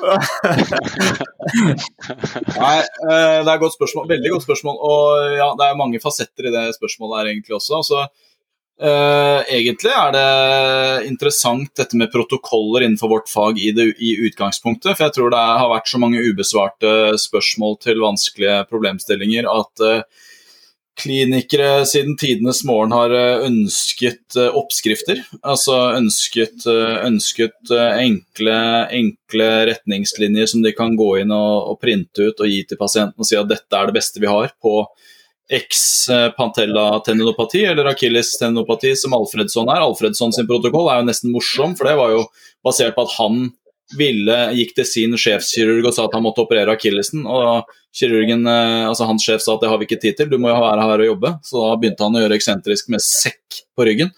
Og så ble det liksom en sånn widespread eh, eh godkjent protokoll, eh, og, ha, og, har egentlig stått til, til, den dag i dag på mange måter. Eh, men HSR først og fremst, da, det er jo det danske forskningsteamet som har eh, tryllet fram den. Og jeg hadde jo sleit skikkelig med patellatenopati i begge knær eh, for et par år siden. Og, og, og, gjorde et skikkelig ærlig forsøk på den protokollen her selv. Eh, og det, det, vil jeg si Det har vi sagt på den poden her, og et par episoder siden hadde vi faktisk om akkurat dette her. og da, da, da faktisk utfordra jeg klinikere i det ganske land til å, å, å gjennomføre disse protokollene på egen kropp. For det var to uker inn i det, så hadde jeg, da var livsgnisten revet ut av meg. Altså. Ja, nei, for Det høres ut som en protokoll som selv garve styrkeløftere og kroppsbyggere ville sett på som rimelig brutalt. da. Det er jo et helt avsindig høyt treningsvolum. Så det er, det er jo eh, mildt sagt ikke for hvem som helst. Nei, nei, det er jo ikke det. Litt, sånn, litt, av tanken bak her var jo at et, et høyere mekanisk stimuli på scenen skulle gi økt, eh, økt produksjon av, av, kollagen. da. Eh, og at man tenkte at det skulle være en, en sånn direkte korrelasjon mellom hvordan scenen ser ut og hvor bra folk har det, men det vet vi jo ganske mye om nå at det er, det er jo ikke nødvendig å ha en, en endring i scenens utseende på ultralyd f.eks. For, for at pasienter skal oppleve det som bedre. Og så er det jo sånn på samme måte som Alfredsson sin protokoll, som da er 15 ganger 3, tre ganger om dagen, uh, som også er ganske, ganske heftig. Uh, ja, ja. Uh, så, så, så, er det jo Den ble jo aldri sammenlignet med noen ting, og kom på midten av 90-tallet og har liksom bare blitt stående litt sånn u uten å bli stilt spørsmålstegn til. Og så sammenligna Kongsgård uh, og kollegene hans sin HSR mot Alfredsson sin protokoll og fant at det var bedre compliance på HSR. Det er sånn, ja, det er tre ganger i uka istedenfor 15 ganger tre, tre ganger om dagen hver dag. Så jeg skjønner at compliancen er bedre, men den er fortsatt ikke bra. Hvis det er noe vi har sett da, liksom de siste årene med, med, forskning på det å legge til en økt treningsdose hos pasienter, så er resultatet bare at de ikke gjør det. Ikke sant? Så jeg vil tippe, I hvert fall min erfaring med de protokollene her in real life er jo det er langt under 10% compliance for å gjennomføre en hel protokoll. Men der er man liksom igjen da, på kanskje hvis de har gjort, de har gjort litt grann av den over mye kortere tid, så opplever de også at de har blitt veldig mye bedre. Uten at noen ting har endra seg. Men jeg tror at den store fordelen i en HSR-protokoll ligger jo i økt intensitet per øvelse. At du kan tørre å ta i mer og du får den her Ja, det kan godt gjøre vondt, men det, det, går fint. Det kan vi snakke om hvorfor det er sånn, og så skal vi jobbe oss gjennom det. Men jeg er helt enig. altså Premisset for spørsmålet ditt er vel at disse protokollene er overdosert, egentlig, og det er jeg helt, helt enig i. Um, men jeg har aldri sett de bli gjennomført utenfor en, en forskningssetting heller, da, i det omfanget som er beskrevet. Nei.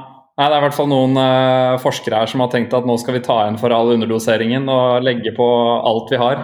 Ja, ja det, er ikke, det er ikke tull igjen. Og innenfor, eh, altså Som dere kjenner til, så er det jo dette med å få funding for, eh, for komplekse, store, randomiserte, kontrollerte studier er jo i utgangspunktet lav og vanskelig.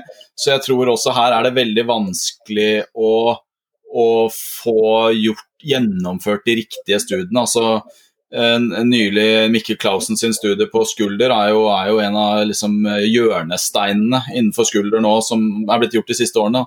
Og Der viste jo egentlig bare, bare studiene hans at de øvelsene som han la til, ikke ble gjort. Det er, liksom, det, er det du kunne konkludere ut fra doktorgradsarbeidet på fire år. Så det er jo så, så vi, er jo, vi, er jo, langt unna der vi skal være i forhold til å, å, å vite hvordan vi skal dosere pasientene. Og da, Samtidig så er det kanskje egentlig en sånn påminnelse om at den perfekte protokollen egentlig ikke eksisterer. Jeg kjenner ikke de studiene som uh, i detalj her, da. Men, uh, men altså, det som jeg tar med meg, altså, det er jo at styrketrening kan, på, altså, styrketrening kan påvirke scenene. Det tar lengre tid å påvirke scenestørrelse og styrke enn det gjør med muskler. Men de på, det er jo de som eh, fester musklene til beina. Det er jo logisk at de også blir påvirka av uh, styrketrening over tid. Um, sånn at, uh, men jeg tenker at så, så hovedbeskjeden altså Hvis man skal begynne å kopiere protokoller, så tror jeg man bommer som kliniker. Det, du må på en måte se på hva er fornuftig progresjon, og er, hvordan responderer den, hver enkelt pasient på den ja, både intensiteten, volumet og uh, progresjonen som du som kliniker legger opp til, og så kan du justere. Hvis du, hvis du, det var helt absurd, det, det volumet som, uh, som, du nevnte der, uh, Martin. Men, men, her har man da Her er det antagelig da en forskningsgruppe som vil bevise et eller annet. Og de har sikkert motivert kraftig underveis. og og sånne ting. Um, og, um, og, de har fått gjennom en del. Sikkert litt dropouts i den studien, men de har fått gjennom. og Jeg vet ikke om det engang om den altså Gjorde de en intention to treat-analyse, eller gjorde de en per protokoll-analyse? Og Forskjellen på det er jo om du inkluderte de som droppa ut underveis, eller de som trente mindre. Det er en del studier som kun inkluderer de som faktisk gjennomførte. Og Da kan du få et veldig skeivt bilde av For Det kan tenkes at det var noen individ som, en del individ som tålte å gjennomføre den protokollen der, og de fikk gode resultat. Og så har man eh, liksom Nei, nei, vi har kun analysert de som faktisk gjennomførte denne treningsintervensjonen. Um, men, det, men, det, er ikke da nødvendigvis Som sagt, jeg kjenner ikke detaljene i denne studien, men uh, jeg vet at det her gjøres. Så, så forskjellen på intention to treat og per protokollanalyser er vesentlig å se på mm. i denne sammenhengen. Ja, så du, Nå presenterte du tallene raskt der, eh, Martin, men som, som, personlig trener så vil vel også du si at det ville krevd ganske enormt med backing for å få en, en, en vilkårlig fremmed til å gjennomføre dette her per protokoll. For det er, eh, det er enormt. altså Som jeg sier, jeg, jeg gjennomførte dette punkt og prikke i to uker. Det var seks økter. Og Da var jeg, da var jeg sånn oppriktig drittlei. For det, det, det er jo ikke bare det er ikke bare at det er tungt, men det er jo tidkrevende også. Ikke sant? Så da måtte jeg bruke meg selv som et eksempel på det å faktisk gjøre disse protokollene før du foreskriver det til pasienter, og så se hva dette faktisk innebærer. Både av tid og innsats, og ikke minst utstyr. Altså, dette her er, du, du er, vil aldri være i nærheten av å kunne gjøre dette her hjemme, så du må på studio hver gang den, den, den økta skal gjennomføres, og det er tre ganger i uken i tolv uker, mener jeg husker det var. Så, så det er, det er seriøs, seriøs commitment som skal til, altså. det. var ikke meningen å, å hijacke episoden med det, men jeg, jeg, grunnen til at jeg også tar det opp, er litt fordi at eh, jeg opplever, og har jo samarbeidet med mange terapeuter opp igjennom, og opplever at Eh, et sånn generelt fornuftig, en fornuftig tilnærming er å finne et utfordringsnivå på treningen totalt sett som er kanskje under symptomprovokasjon, og så øke utfordringen eh, progressivt, sånn at man gradvis eksponerer mot det som har provosert tidligere. Mens her er det jo en totalt motsatt approach, der du på en måte bare kaster på mest mulig og ikke tenker på graded exposure.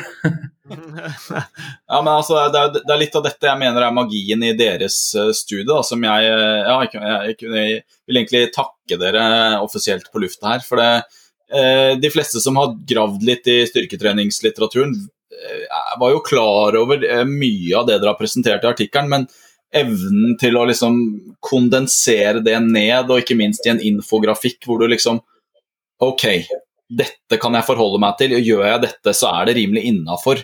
Altså det, det, å kunne ta med det ut i klinikken neste dag, det er, det er en sånn sjelden gavepakke innen vårt fag, vil jeg si. At, ja, fordi du får lov til å bruke din egen, altså dine egne tanker, dine egne resonnementer og din egen erfaring, men altså du, du, kan på en måte henge det opp på noen knagger, da, istedenfor at du sitter her og lager treningsprogrammer til pasientene som du liksom håper og antar og tror gjør det det skal.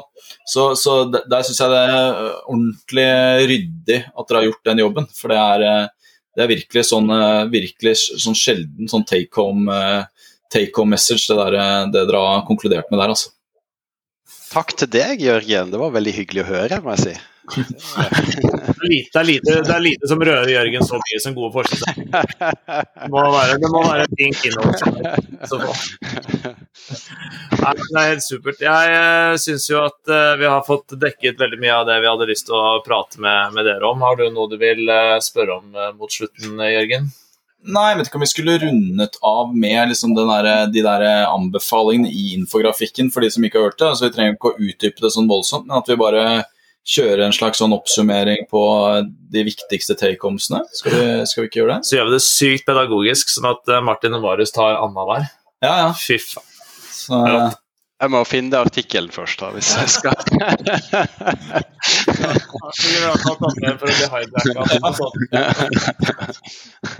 Nei, jeg kan, jeg kan, eh, starte det mens eh, Marius finner fram infografikken. Ta hele, ta hele du, Martin. Det går bra, der. ja, vi, vi, får bytte litt på, men vi, vi har i hvert fall presentert eh, på venstre side av det, dette bildet, som uh, sikkert vil kunne bli delt i sammenheng med podkasten. Eh, en liten oversikt over hvor mye og hvor tungt bør man trene. Og der, For å oppsummere det vi snakket om tidligere, så har vi landet på at det ukentlige treningsvolumet er viktigere enn treningsfrekvensen i seg selv. Men har man mulighet, så er det kjempefint å, å trene minimum to ganger i uka, i og med at det virker å, å gi et litt bedre stimuli med det samme totalvolumet enn én gang i uka også. Og så er det dette her med å gjøre minimum fire ukentlige sett per muskelgruppe. Det er liksom minimumsdosen, og, og, sikkert et fornuftig sted å starte for mange som skal komme i gang med styrketrening etter å enten ha hatt en lang pause eller kanskje ikke gjort det så mye fra før av. Og så når det gjelder dette med belastning, så, så, har vi skrevet at det er fornuftig å bruke en belastning som er eh, ganske anstrengende, mellom 6 til 15 repetisjoner det er, eh, det er i hvert fall de siste repetisjonene er ganske utfordrende å gjennomføre. Men at repetisjonsantall over dette, mellom 15 og helt opp i 40 repetisjoner, kan være effektivt det også, hvis man trener til utmattelse, så man ikke har en eneste repetisjon i reserve.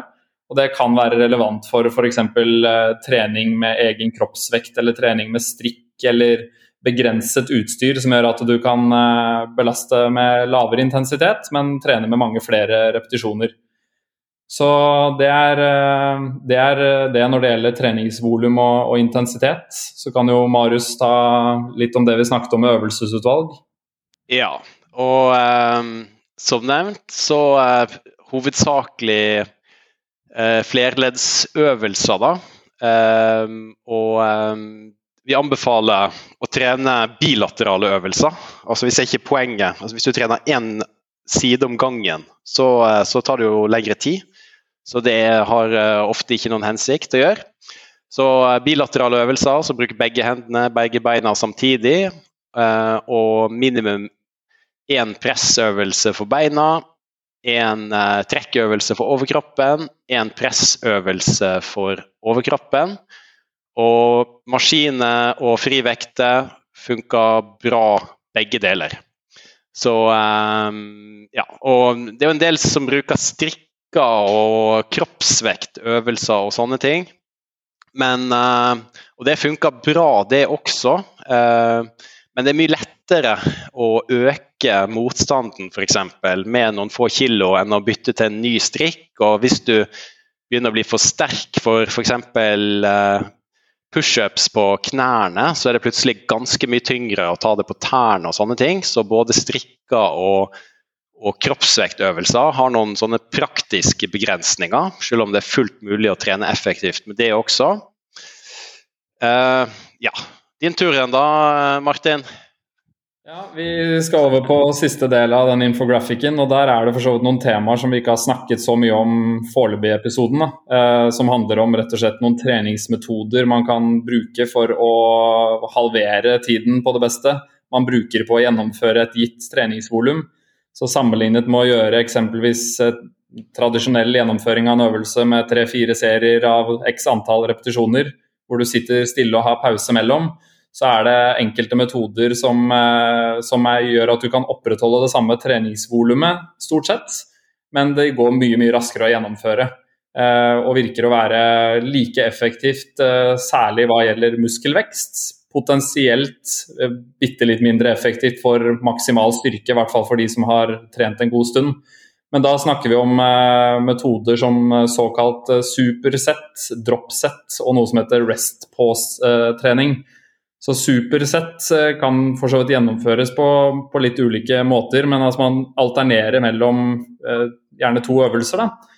Eh, det kan være f.eks. å gjøre en pushup og en roing mellom hverandre. Så du trener motstående muskelgrupper som eh, således også ikke gjør at eh, prestasjonen i én øvelse går utover den andre øvelsen så er det mulig å enten gjøre dette her med veldig korte pauser fra en øvelse til en annen, eller å, å bruke noen sekunder på å få ned pulsen og, og pusten litt etter øvelse én, og så gå over på øvelse to og rett og slett alternere frem og tilbake mellom ulike øvelser.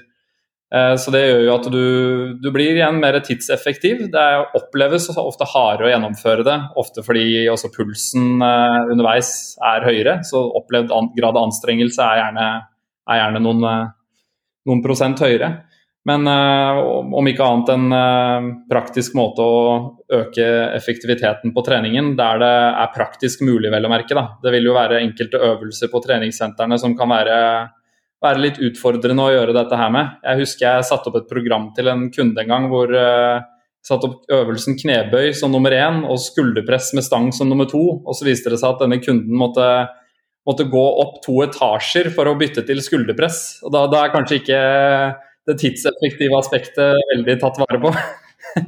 Så, så, sånne ting må jo tilpasses litt til uh, hvordan lokalet ser ut og hvor, hvor, mye mennesker som er der, selvfølgelig. Um, når det gjelder dropset, så handler ofte det om å gjøre en øvelse til tilnærmet utmattelse på serie 1, og så redusere belastningen eksempelvis med 15-20% og mer eller mindre umiddelbart gå over på én eller flere serier til etterpå. Så det gjør at du får uh, du får, eh, du får, gjort ganske mye volum på kort tid, og du får en veldig høy grad av eh, anstrengelse. Eh, men hvis du gjør tre serier med tre ganger ti og sammenligner det med tre ganger ti i et dropset, så, er det ofte at volumet faktisk blir litt lavere i et dropset, nettopp fordi du reduserer belastningen underveis.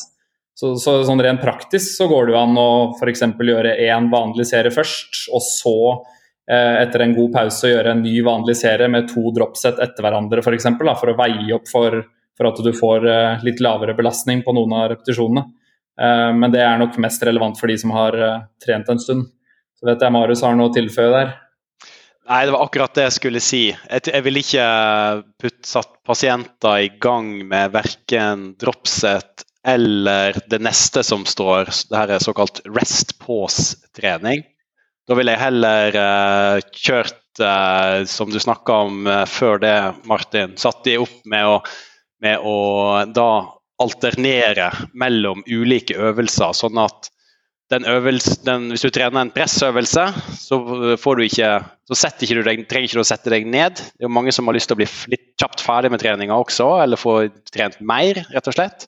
Og Da kan du bruke da, den pausetida for eh, pressmuskulaturen Eh, du kan ha en aktiv pause med å trene trekkmuskulaturen eller ta beina i den pausen. Da. og Det er helt greit å ha noen Man må ikke være for uh, bokstavelig på det her at man ikke kan tillate seg litt, uh, litt pausetid imellom de øvelsene. Det, det, og, og, Spesielt når vi snakker om sånn fe, litt tyngre flerleddsøvelser, så er jo det anstrengende for folk å gjøre. Men hvis du snakker om sånt som sidehev og biceps curl, sant, som er småmuskler, så trenger du ofte ikke å trekke pusten engang. Du kan bare kjøre på. Men er det snakk om knebøy og uh, ja, roing f.eks., så, så, så er jo det tyngre øvelser som du blir sliten i hele kroppen av å utføre. Men det var ikke meninga å avbryte deg, eh, Martin. Nei, men det er fine, veldig fine tillegg, det. Så, så, den infoen her blir jo mest relevant for de som uh, har litt erfaring, og som også ikke minst klarer å opprettholde grei teknisk utførelse med litt sånne mer avanserte treningsmetoder. Uh, og den siste metoden, som heter eh, rest pause-trening, kan uh, på sett og vis minne litt om dropset-trening, men der opprettholder man den samme belastningen hele veien. Så du gjør én serie som er anstrengende først, og så har du pauser som f.eks. kan være 20-30 sekunder så hvis du har gjort en serie nummer én med ti repetisjoner, der du kanskje bare hadde én repetisjon i reserve, eller noe sånt, så tar du 20-30 sekunder pause og bruker samme vekt igjen, men denne gangen klarer du kanskje bare fem repetisjoner. Så tar du nye 20-30 sekunder pauser og gjør dette her én eller to eller tre ganger til. Da. Så det gjør også at du får et uh, veldig brukbart treningsvolum på, på relativt kort tid. Eh, sånne typer metoder bruker man ofte heller ikke i eh, teknisk krevende øvelser som f.eks. knebøy. Det egner seg vil jeg si, i hvert fall bedre i en benpress enn i en knebøy, fordi det blir såpass høy grad av anstrengelse, og det er lett at teknikken klapper litt sammen etter hvert. Så, så, det er i hvert fall ting man kan benytte seg av hvis man har litt treningserfaring og, og ønsker å, å, bruke mindre tid. Men det er, bakdelen er at det blir eh, en høyere grad av anstrengelse på gjennomføringen. Da. Og til sist så har vi dette her med at vi for å være tidseffektive ikke nødvendigvis har eh, stor nytte av å bruke i hvert fall lang tid på oppvarming. Både generell og spesifikk oppvarming. Det er jo fornuftig å ikke gå direkte på arbeidssett i knebøy osv. hvis man skal gjennomføre styrkeøkter, men gjerne bare varme opp eh, internt i uh, hvert fall første øvelse for den muskelgruppen man uh, trener. Hvis du skal gjøre flere øvelser på samme muskelgruppe, f.eks.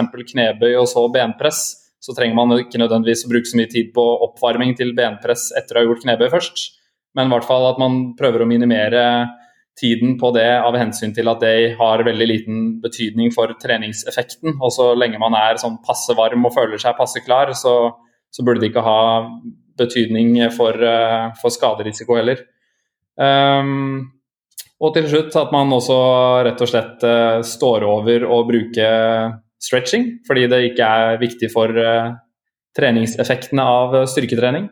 Så er det ingenting i veien med stretching. Det er ikke derfor vi har skrevet at man kan kutte det, men rett og slett bare at det er et unødvendig komponent i et styrketreningsprogram hvis man skal prøve å gjennomføre treningen tidseffektivt. Jeg vil bare skyte inn at, at, styrketrening utført i en sånn ganske full bevegelsesbane er jo også bevegelighetstrening i seg sjøl. En dynamisk bevegelighetstrening. Så, um, så ja, som Martin nevnte, så, så, så er altså plikttøying etter styrketrening kan man droppe. Også hvis man har spesifikke mål med bevegelighetstrening, så blir jo selvfølgelig det noe annet. Til alle dere menn over 40 der ute som hører dette, nå har dere lov til å slutte å tøye etter trening. Dere hørte, dere hørte det først her. Det er jo enkelte øvelser som Marius er inne på. Ta f.eks. Eh, strake markløft eller rumenske markløft, der hvor du har lite knefleksjon når du gjennomfører denne hofteekstensjonsbevegelsen. Da får du jo satt hamstring på veldig stor strekk. Det samme kan du si om en del utfallsvarianter, f.eks. bulgar splitbøy, hvor bakre ben blir stående igjen og du får en god strekk i særlig rectus femoris. Så det er jo mange sånne eksempler på, på øvelser som som faktisk eh, er stretching inkludert i treningen. Ja. Så det er fint poeng å få med det. Til info så skal vi ha Moltebakk på poden her senere i uka, som har tatt doktorgraden på stretching. Så får vi se om hun er, om hun er enig. Hvis ikke, så får vi ta en uh, påfølgende episode der vi, der vi diskuterer uh, for og mot. Jeg tenker at, at Stretching versus strengthen to lengthen tenker jeg kan bli liksom Battle of the Giants uh, utover høsten her.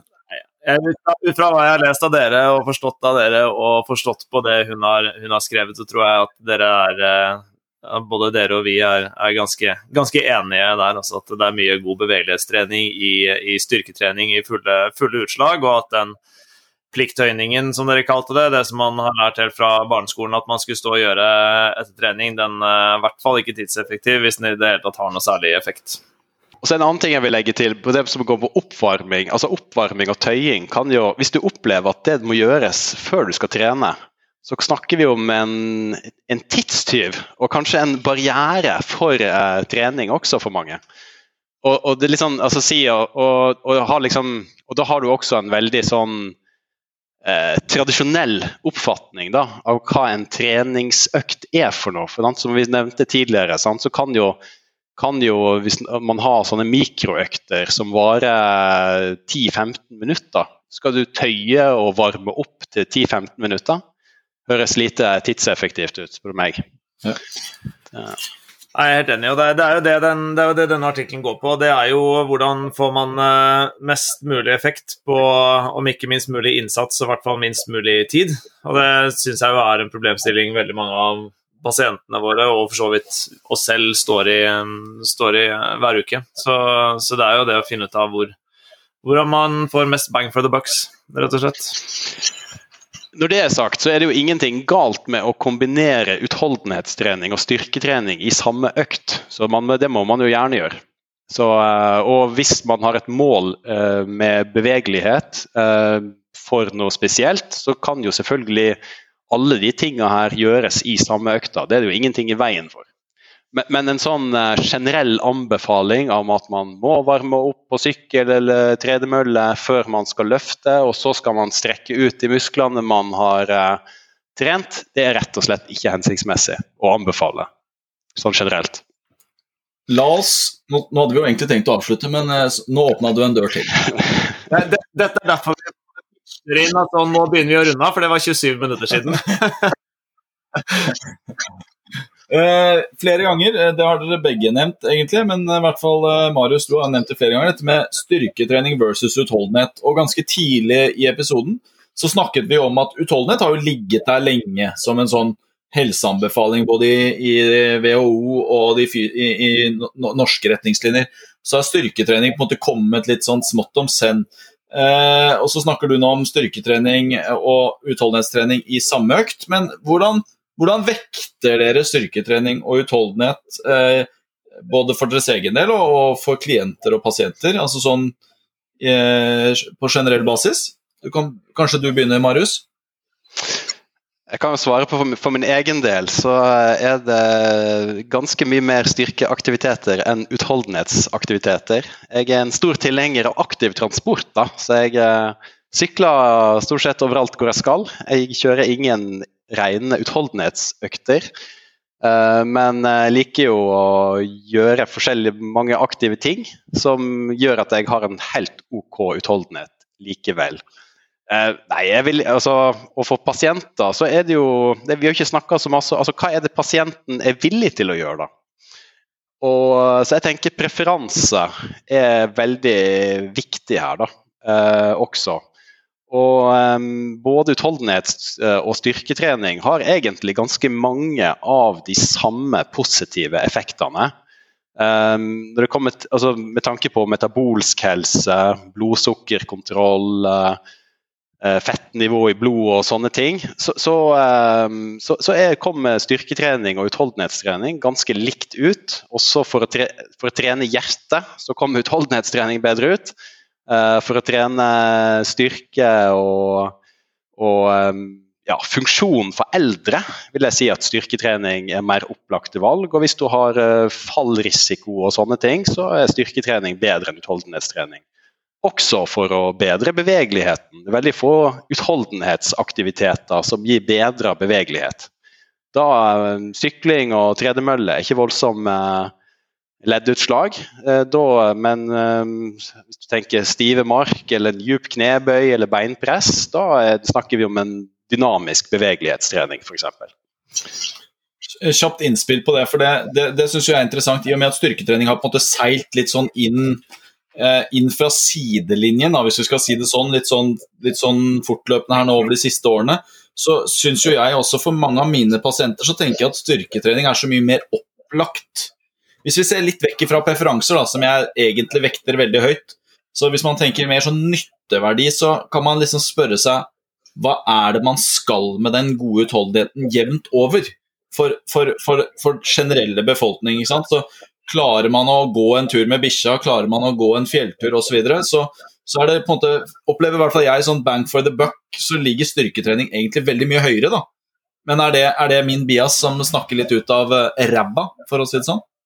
Jeg vil ikke snakke ned eh, utholdenhetstrening, selv om jeg eh, personlig har en preferanse for styrketrening. Men, men jeg vil si begge deler er, er viktig. Eh, men, men, men altså, grunnen til at fokuset på styrketrening har økt veldig mye siste året, er jo at man har fått mye mer evidens.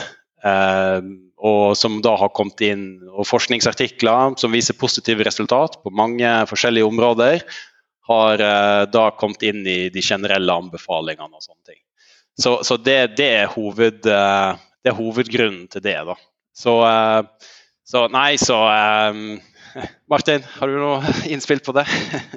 Nei, jeg er helt enig. Det, det, er jo interessant at veldig mange av disse positive helseeffektene av uh, trening generelt er relativt sammenlignbare med styrketrening og kondisjonstrening. Men, uh, og, og, det inkluderer også f.eks. ting som forbedret mental helse og, og uh, også redusert kardiovaskulær risiko. Men det er jo ingen tvil om at for de fleste så er det veldig lurt å gjøre begge deler, fordi ikke én enkel treningsform maksimerer alle helseeffekter du kan få.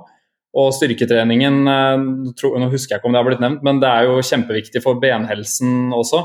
Og det er litt uh, lett å glemme det å tenke kun på styrke og på muskelvekst og opprettholde muskelfunksjon osv. Men benhelsen er uh, kjempeviktig. Og det er jo et paradoks uh, at mange unge, spreke syklister og svømmere f.eks. som ikke driver med vektbærende trening, har et altfor dårlig skjelett. Så det å bruke styrketrening som et uh, effektivt virkemiddel uh, for alle de som driver med mye av den type ting, er jo veldig fornuftig. Men også for befolkningen for øvrig. Så jeg, jeg tror nok at for, for min del så, så, anbefaler jeg å gjøre begge deler som en sånn default-anbefaling generelt sett. Men så vekter jeg jo styrketrening mer der jeg ser at det er fornuftig i tråd med hva målet til personen man samarbeider med har. Og det gjør jeg selvfølgelig for min egen del også, men jeg har jo hatt litt endringer i preferanser eh, de siste årene. Med, fra å ha trent styrketrening seks dager i uka i 16 år til å trene styrketrening nå to til tre ganger i uka eh, og legge mer vekt på kondisjonstrening. Men det er nok, eh, er nok bare noe som er blitt sånn i, tråd med at man har gjort mye av én treningsform og kanskje syns det er morsomt å gjøre, gjøre, litt andre ting også. Akkurat som Arus driver med klatring. Ja, Veldig bra, gutter. Det, jeg tror, jeg syns vi har vært gjennom utrolig mye. Og syns uh, at uh, vi har fått uh, lokket ut det vi ønsket av dere. Ja, vi lokket dere ut på glattisen på utholdenhet versus styrke, men den lar vi henge i luften til, til neste gang. har du noen avsluttende bemerkninger, Stian? Nei, ikke annet enn at jeg bare um, vil støtte opp det, det, Jørgen ga dere ros for i stad. Altså sånne, um, sånne, oppsummeringsartikler hvor dere gjør forskningen tilgjengelig for, for klinikere, er, er, gull verdt. Uh, så, så, eh, takk for innsatsen. og Det, er, måte, det her er så praktisk appliserbart for oss, da. Ikke nødvendigvis for de som skal eh, bygge kropp eller bli eliteutøvere, men for uh, også de pasientene våre som uh, har som treningsmål å, å trekke barnebarna sine opp uh, akebakken i løpet av vinteren, så er det helt sånn tydelige råd som vi kan se til. Så um, takk for innsatsen, og, og, og takk for tiden deres, Martin. Jeg vil bare avslutte med å si også takk for invitasjonen. Og så tror jeg en sånn avsluttende, litt motiverende bemerkning er bare at det er så utrolig lite trening som skal til for å få positive effekter, både sånn generelt hva gjelder eh, helsegevinster av trening, men også i den konteksten vi diskuterer dette her, da, med å øke styrke, øke muskelmasse, eller om det måtte bare handle om vedlikehold, så er det så lite som skal til. Altså For alle de som har trent en god stund og eh, frykter at man skal miste styrke eller muskelmasse, så er jo en ganske gledelig beskjed at det er jo i praksis nesten ikke noe som skal til for å holde det ved like. Så bare få én god økt i uka og gjør et par anstrengende serier på de store muskelgruppene, så er det tilstrekkelig. Så jeg tror det er viktig å minne folk på hvor lite som skal til for å bare opprettholde det man eventuelt har klart å bygge opp også. da. Uten at det skal være en oppfordring til å gjøre mindre enn det man gjør fra før. Nei, men samtidig en veldig ryddig avsluttende bemerkning, syns jeg, som er eh, både inspirasjon og motiverende tror jeg, for mange, og at vi, vi klinikere der ute blir flinkere til å formidle, formidle dette budskapet. Så uh, tusen takk for praten, gutter. Veldig, veldig hyggelig. Så uh, håper vi at det har vært en ålreit preik for dere også her på en, en mandags ettermiddag. Veldig artig, og som stemmer i med Martin, og sier også tusen takk for invitasjonen og praten. Ha en strålende ettermiddag, gutter. Vi snakkes igjen på et annet, en annen anledning.